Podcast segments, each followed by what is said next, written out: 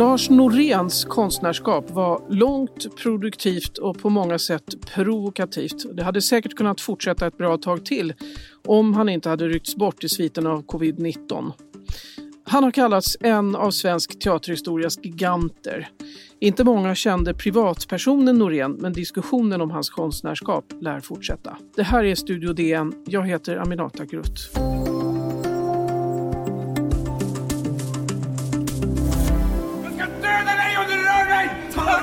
Rör mig inte! Rör mig inte! Kan du inte förlåta mig? Nej. Gud förlåter. Det är hans yrke. Ja, det här eh, var några fraser ur eh, scener Natten är dagens mor. Den första riktigt uppmärksammade pjäs som eh, Lars Norén skrev. Vi har med oss Per Svensson, kulturskribent för DN. Berätta, vad, om vi börjar med den här pjäsen. Vad vill du säga om den, så att säga, det vi hörde här? Ja, det är som sagt hans genombrottspjäser, de här familjedramerna och de eh, Natten, dagens mor och Kaos och granne med Gud och de har ju så att säga, en självbiografisk bakgrund. Eh, Lars Norén växte upp i ett, på ett hotell, ett järnvägshotellet i Genarp som hans pappa och hans, hans föräldrar drev. Och eh, mycket i, den här, i de här pjäserna är ju då så hämtad inspirerat av hans, hans barndom där. Ja, vi har ju flera uttryck i språket som finns idag, alltså en Norén-jul eller att en familj är Norén-dysfunktionell och så vidare. Ja, och där får man ju vara eh, lite försiktig också säga när jag nämnde att det var självbiografisk bakgrund och det är det ju så tillvida som att han växte upp på ett hotell. Men det han skildrade är ju ett familjeinferno med liksom väldigt givna roller. Det är mamman, pappan och så är det två, två söner det är en kvartett. Och det där finns i, i dramatik också. Han, var ju väldigt, han är inspirerad av amerikansk dramatik som Eugene O'Neill, Lång dags färd mot natt och sådana saker där man har liksom samma uppsättning och samma tematik med det här. Det finns hemligheter i familjen, saker som inte sägs och som då plötsligt bryter fram i det här, eh, i den, och det är det som är det norenska, när de här familjerna, när det spricker upp säga, och, och det blir en uppgörelse. Så att hur mycket som var biografiskt där, det, det kan man faktiskt aldrig inte veta och kanske inte så intressant heller. Men det, den yttre ramen är definitivt eh, hämtad från hans barndom då. Mm. Han var ju oerhört produktiv, över hundra pjäser och poesi och han regisserade också många andras pjäser. Vad, vad är det viktigaste, vad är kärnan i hans produktion? Jag tror att Alltså väldigt många svenska manliga författare går att föra tillbaka till Strindberg. Strindberg är liksom den ursprungliga rollmodellen kan man säga för tunga manliga svenska författarskap.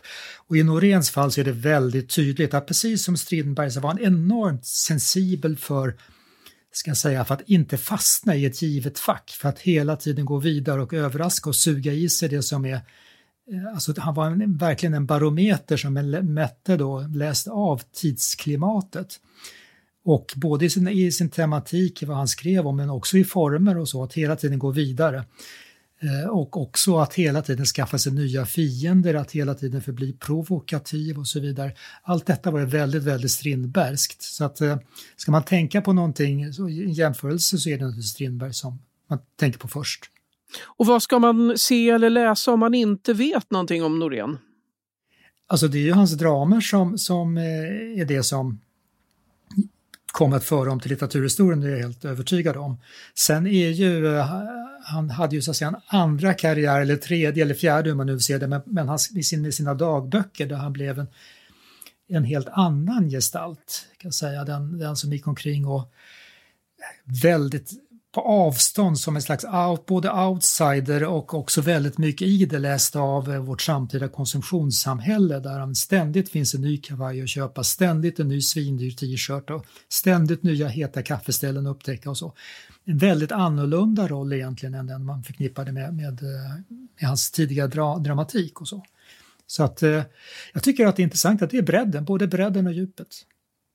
Vi kan ju lyssna på en, en, intervju med honom, eller en bit av en intervju med honom som Elisabeth Åsbrink gjorde i programmet Babel 2008 om hans då nyutgivna dagbok. Så här sa han då.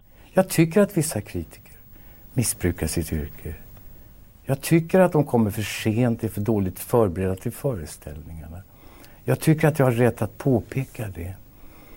Eftersom det, är, det pågår en kommunikation mellan vad jag gör och hur de reagerar. Nu, nu reagerar jag tillbaka. Ja, här handlar det om hans kritik mot kritikerna helt enkelt. Han var ju inte eh, rädd för att kritisera och provocera. Det var många som fick kritik i hans, den här första boken. Vad kan man säga om, om dagböckerna? Eh, ja, alltså det han säger där det är naturligtvis rätt. Det är självklart att en konstnär har rätt att svara på kritik. Det är inget konstigt. Men han, han, han tyckte ju illa om, eller, eller så att säga, ville gärna, skämdade inte bara kritiker utan han tyckte illa om i princip alla. Eh, hela tiden, utom några få som han tyckte väldigt mycket om. Men alla andra tyckte han väldigt illa om och det blev ju en del, det är väldigt intressant, han har ju skapat den här genren, den, den så the neverending dagbok, som ju sen Ulf Lundell har också tagit upp. Och nu har det kommit en kvinn, i år kom det en kvinnlig motsvarighet, Marianne Lindberg De Geer har gett ut en sån här bok också, där hon refererar till, till just Lars Norén hela tiden och också i sin första dagboksanteckning träffar honom på stan. Så att det, det, är ju, det är ju en genre som han har skapat och i den genren ingår det att, att eh, så att säga skriva, hitta på och skriva spirituella och roliga förolämpningar riktade mot människor och offentligheten, gärna mot journalister och så. Och eh, eftersom det är en genre, en konstnärlig genre, så får man ju uppskatta det för dess eh, uppfinningsrikedom och kreativitet och så. Och det var ju Norén jättebra på. Att hitta på bra och roliga förolämpningar. Han var ju väldigt duktig på one-liners och så. Så jag tror de flesta som blir förolämpade i hans böcker ser det som ett slags eh, hedersbevisning närmast. Någonting man är lite stolt över att förekomma där i det här långa registret av hatobjekt.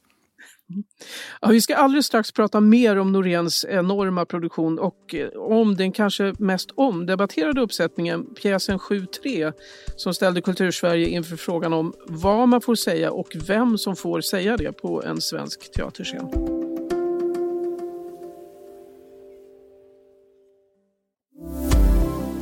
Finns ju grupper som förföljer invandrare och flyktingar och bränner ner flyktingförläggningar. Och... Mm. Ja, det är väl kriminellt? Kriminellt? Det är krig. Det är för fan krig. Och när det är krig då händer det otrevligheter. Det ligger fan i sakens natur. Ja, det här var några replikskiften ur en uppsättning av pjäsen Kyla. Per Svensson, kulturskribent för DN. I den här pjäsen så är det skådespelare som gestaltar nynazister men i pjäsen 7-3 så var det människor som själva var övertygade nazister som stod på scen. Vad kan vi säga om 7-3 som var en stor kontrovers? Ja, alltså 7-3 var ett projekt som Lars Norén eh, var involverad i, eller mm, drivande i, eh, under, under tiden då han var vid Riksteatern då, 1999. Och det, det handlade helt enkelt om att tre fångar från Tidaholmsanstalten, eller tre interner från Tidaholmsanstalten, skulle dras in i ett teaterprojekt och göra en pjäs med Lars Norén. Och pjäsen var så att säga handlade också om hur de gör pjäsen i någon mening det, det, och de spelade sig själva på scenen. Och Reine Brynolfsson får man då säga spelade Lars Norén. Och det där är ju ett, alltså att, att låta interner spela teater, det var inte, inte särskilt kontroversiellt och inte särskilt nytt heller. Det speciella här var ju just att de så att säga spelade sig själva och att två av dem, om jag minns rätt, var, hade nynazistiska eh, sympati eller var nynazister. Och att de då fick så att säga, predika sin nazism från scenen som sig själva i någon mening. Och det är ju en väldig skillnad mot när man låter en skådespelare så att säga stå och spela nazist. Då vet man att detta är teater. Det här som mm. sägs här är inte någonting som så att säga den som säger det står för inte heller upphovsman utan det är teater och det är ett, och så är det i vårt samhälle att konsten, teatern och litteraturen, det är liksom en frizon där man kan säga och göra saker som man inte kan säga och göra utanför det, teatern och litteraturen. Därför att vi alla är överens om att detta är så att säga som en hockeyrink eller så, där det råder speciella regler. Och det Norén gjorde här var att han ju bröt mot de reglerna genom att flytta ut, så att säga, spelet från rinken och ut någonstans utanför den. Tacklingarna mm. ägde rum så att säga ute på publik, bland publiken. Och det väckte väldigt, väldigt, väldiga reaktioner eh, redan när pjäsen spelades. Du har kallat det här bråket för det mest meningsfulla bråket i kultursverige under 2000-talet. Ja, det menar jag. Därför att sen var det ju så att, att eh, ett, ett tragiskt efterspel till detta blev att, att eh, blev polismorden om Alexander. Där jag tror eh, en av, de, en av de aktörerna var inblandad men också en, en person som hade varit engagerad i projektet som inte var på scen. Och det blev en stor debatt kring det. Men själva debatten som jag började redan efter, före Alexandermorden och den handlade just om eh, den här gränsen mellan så att säga, konst och verklighet och när man försöker överskrida den, vad som då händer och vad som blir de moraliska konsekvenserna av detta. Och det är ju fortfarande extremt intressant därför att det är ju det som händer exempelvis i det vi kallar för autofiktion idag. Det vill säga man använder konstens medel men säger samtidigt att detta är helt sant. Har man då rätt att säga och göra vad som helst? Eh, vad händer när man, liksom in, in, man slår, slår, slår bort, plockar bort gränsen mellan, mellan det som så att säga, vi är överens om är fiktion och det som vi är överens om är verklighet? Och det är fortfarande en intressant och väldigt relevant debatt.